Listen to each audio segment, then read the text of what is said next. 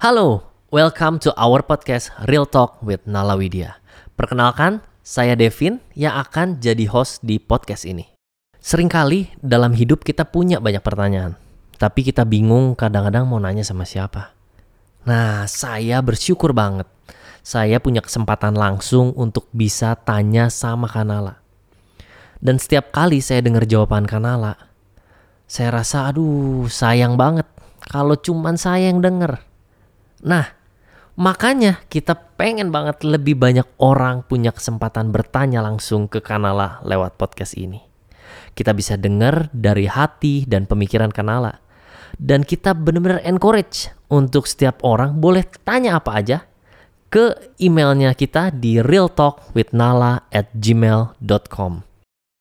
Nah, sekarang kita udah ada nih bareng sama kita Pester Nala Widya atau sering kita panggil dengan namanya Kak Nalawidya. Jadi kelebihannya ya Kak, kalau dipanggil Kakak itu mau umur berapa juga tetap dipanggilnya Kakak. Gitu, kayak udah kayak Kaseto nih Kak.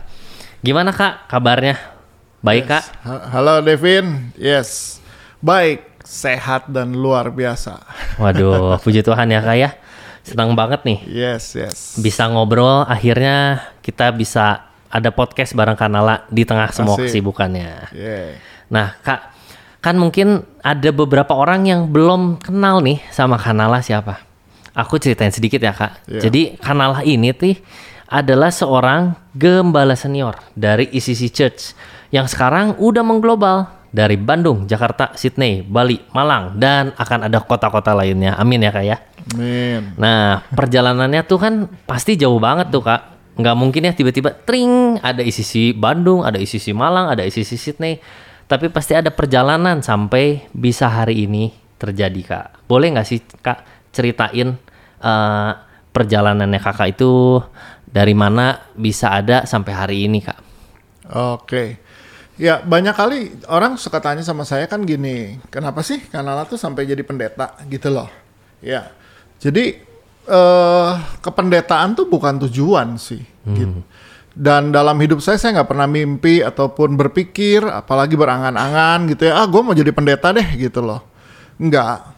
Jadi dari dari saya sekolah segala nggak pernah berpikir itu.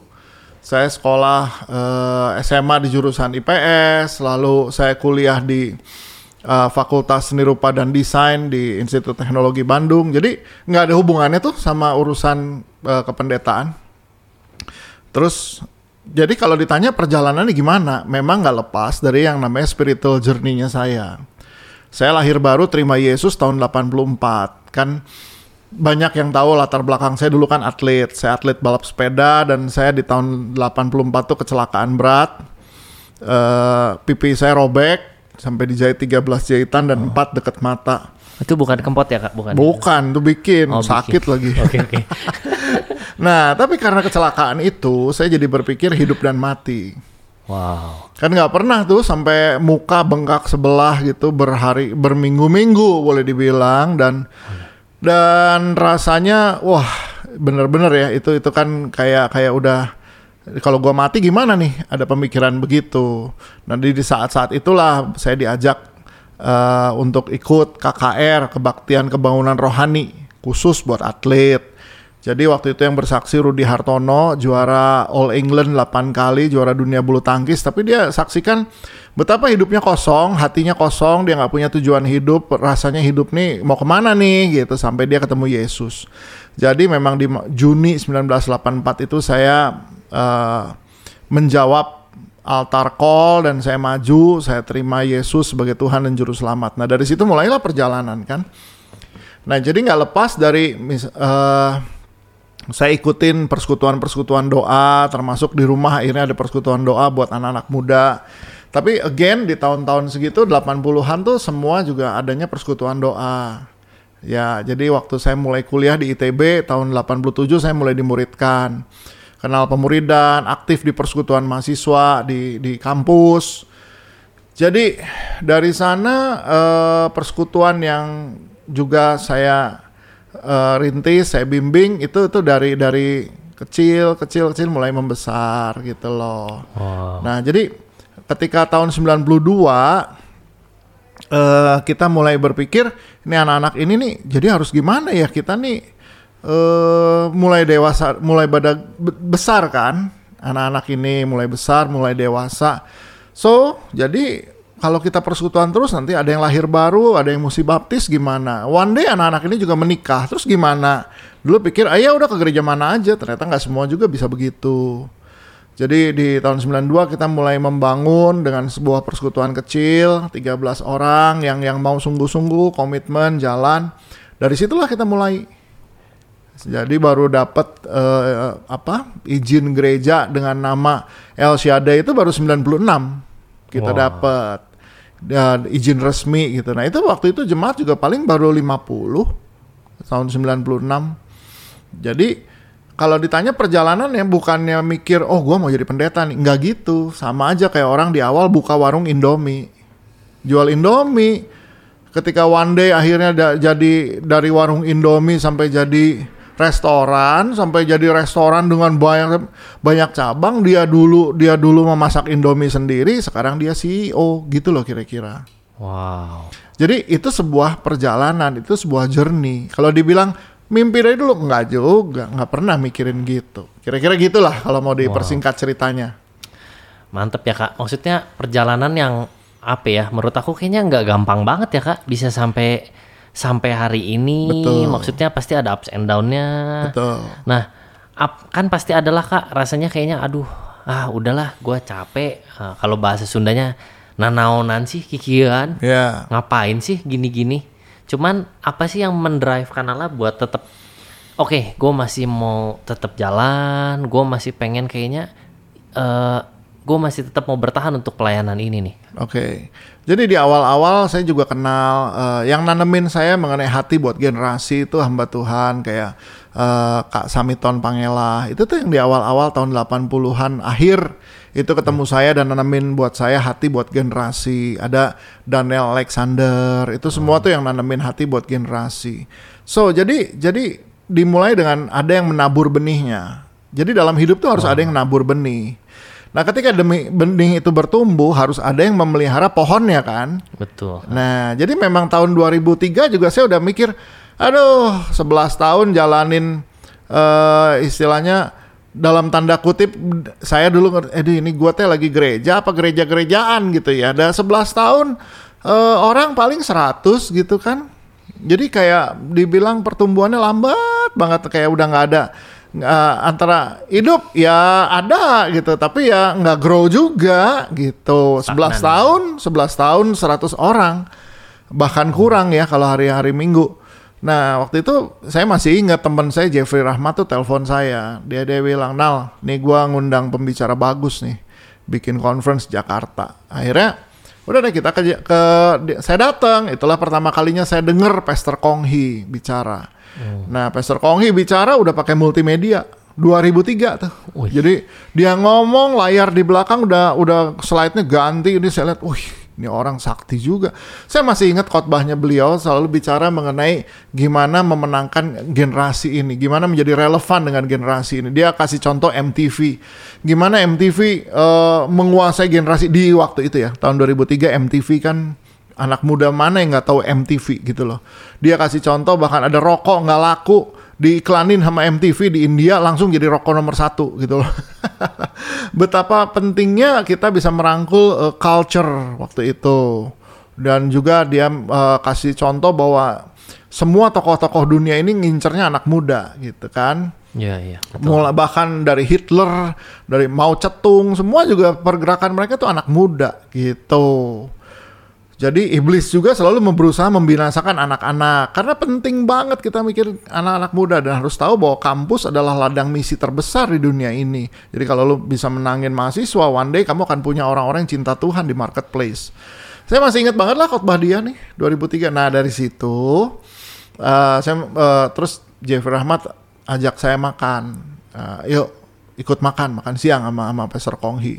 Di makan siang itulah Pastor Konghi nanya "Eh, siapa kamu? Eh, kenalin diri. Terus oh ya gimana? Ceritain gereja kamu. Ya saya bilang ya saya sebenarnya almost desperate ini udah. Gua nggak tahu sih gimana. Eh, jadi dia oke oke oke oke. Saya saya eh, bantu kamu.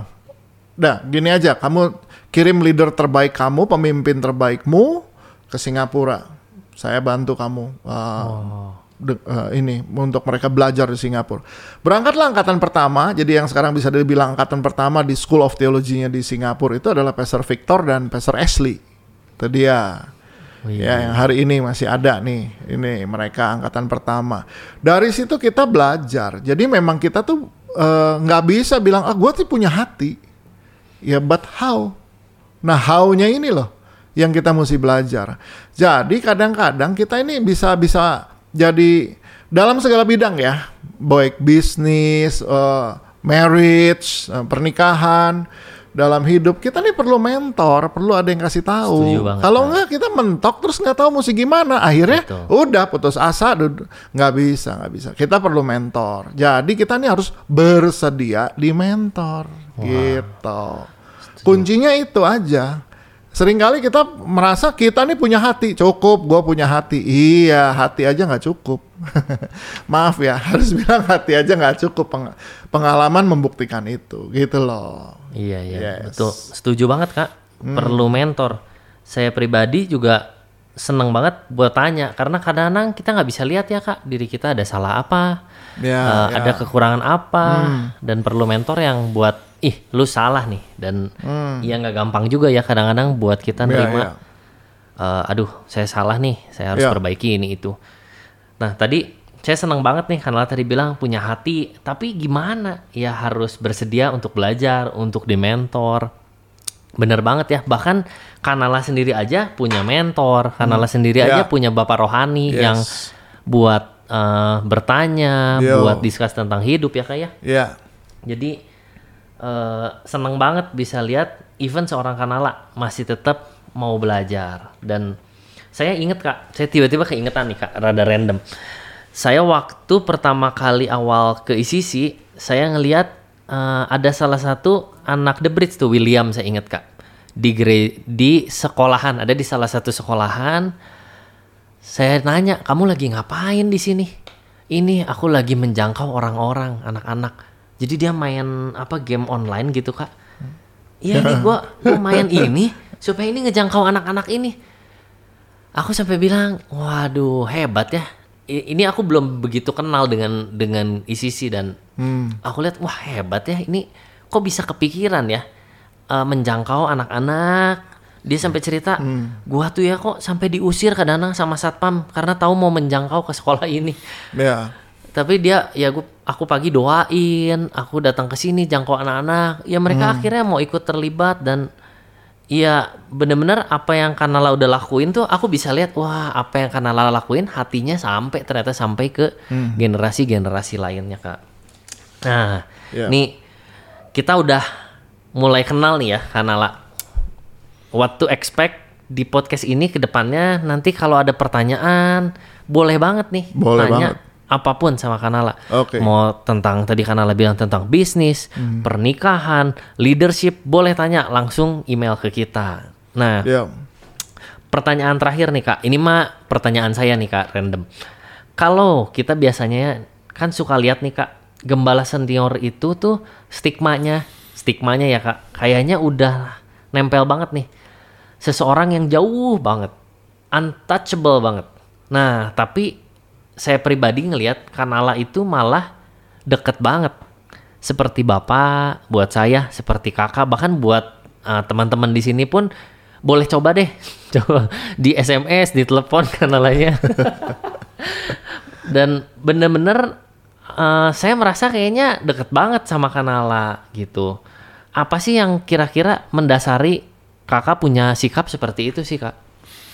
eh satu ya memang itu mentalitas yang ditanam ke saya ya bahwa kalau kamu jadi pemimpin itu kalau kamu mau mau mimpin orang ya jadi orang gitu loh. Kamu nggak mungkin bicara sama orang kalau kamu nggak jadi orang. Wow. Dulu eh, waktu saya dimuridkan di kampus, pembimbing saya bilang gini, kalau kamu mau mau sukses memuridkan orang, kamu jangan jadi malaikat. Wow. Ya, maksudnya jadi malaikat tuh gini, banyak orang suka ya berusaha kan di, di orang-orang yang dia pimpin atau dia ajarkan, oh saya berdoa satu hari dua jam, oh saya baca Alkitab, wah sehari eh, tiga pasal. Saya bahkan dari lahir saya nggak pernah bohong sampai hari ini gitu. Ya susah ya. Orang tuh justru pengen belajar. Ketika denger kita bilang saya dulu salah loh. Saya dulu gagal. Yes. Nah dari gagal itu saya belajar begini dan sekarang saya jalan begini. Saya dulu salah, akhirnya saya berbalik dan akibat kesalahan itu saya bayar mahal. Jadi kamu jangan bikin salah ya, gitu loh. Itu orang pengen dengar begitu sebetulnya. Yes. Nah jadi itu satu ya kalau mau mau bicara sama manusia jadilah manusia gitu kan. Ya yang kedua kan kita pengen mimpin orang. Kalau mimpin orang dari jauh susah ya. Kita memang perlu perlu membangun hubungan dan perlu bicara dengan bahasanya. Di tahun 1992 saya masih ingat ada satu majalah rohani nama majalahnya Bahana. Dulu masih ada tuh majalah rohani Bahana. Itu wartawannya datang ke Bandung khusus datang sama saya dan meliput saya mengenai gimana kalau waktu itu 92 tuh saya masih ingat saya eh, di ditahbiskan jadi youth pastor lah gitu loh. Karena udah mimpin persekutuan kecil kan gitu. Jadi eh gim- gimana eh, mereka lihat ada profil kok hamba Tuhan tapi pakai celana jeans. Di masa itu tuh celana jeans nggak boleh. Orang kalau ke gereja harus pakai celana katun, pakai kemeja gitu. Nah, jadi kalau pakai Penghujatan. jeans, pakai t-shirt itu kayak penghinaan kepada kekudusan gereja gitu loh. Kok kamu berani-beraninya pakai celana jeans? Ya, saya saya cuman bilang bahwa ya paling tidak outfit saya, baju saya em, bisa bicara duluan kepada mereka bahwa here I am gitu loh. Saya sama dengan kalian. Wow. Seandainya saya datang sama mereka udah datang pakai baju batik sama celana katun, mungkin mereka lari duluan ya anak-anak muda ini gitu loh. Betul. Jadi eh, gima- jadi dari dari waktu saya masih kuliah pembimbing saya menanamkan kamu harus kreatif kalau mau jangkau jiwa. Nah jadi yang ditanam ke saya itu bukan mimpin sebenarnya jangkau. Gimana kamu bisa jangkau? Gimana kamu bisa menangin orang? Gitu. Dan kemudian gimana bisa orang-orang yang kamu jangkau ini bisa bersama kamu terus. Nah itulah yang menjadikan saya hari ini gitu. Sehingga eh, isi sini isinya orang-orang yang udah 10 tahun, 15 tahun, 20 tahun, bahkan 30 tahun dari awal sampai hari ini. Yes. Gitu. Wow, bener ya kak. Jadi kita harus kreatif ya kak buat jangkau jiwa dan bisa bareng terus tuh. Senang Iya, banget ya. betul. Maksudnya banyak ada eh, orang-orang yang masih sampai hari ini bareng sama kakak nih. Nah nanti ini kita bahas di nextnya lah. Karena kayaknya nanti nggak habis nih kak. Iya. Jadi senang banget ya teman-teman hari ini kita boleh baru kenal aja udah belajar banyak loh kak sama kakak. Puji Tuhan. Jadi bisa tahu eh, hatinya kakak, siapa Kanala. Bahkan nanti teman-teman boleh tanya yang tadi aku bilang, mau tanya apa juga boleh. Bahkan eh, bukan cuman soal rohani ya kak ya yang boleh ditanya. Boleh. Nah saya aja sering banyak, sering banget nih nanya sama Kanala tentang sepeda. Jadi eh, boleh teman-teman nanti mungkin kayak kita perlu ada satu sesi kak buat nanya sepeda nih kak. Boleh, boleh, boleh. Oke. Saya excited nih buat nanya sepeda. nah, thank you teman-teman buat listening podcast Real Talk with Nala Widya. Nggak sabar banget untuk ketemu lagi Kanala, untuk ngobrol lagi nanti kita. Thank you banget ya Kanala buat Yes. waktunya, buat share-nya. You're welcome. Oke teman-teman, see you di next episode Real Talk with Nala Widya. We keep it real.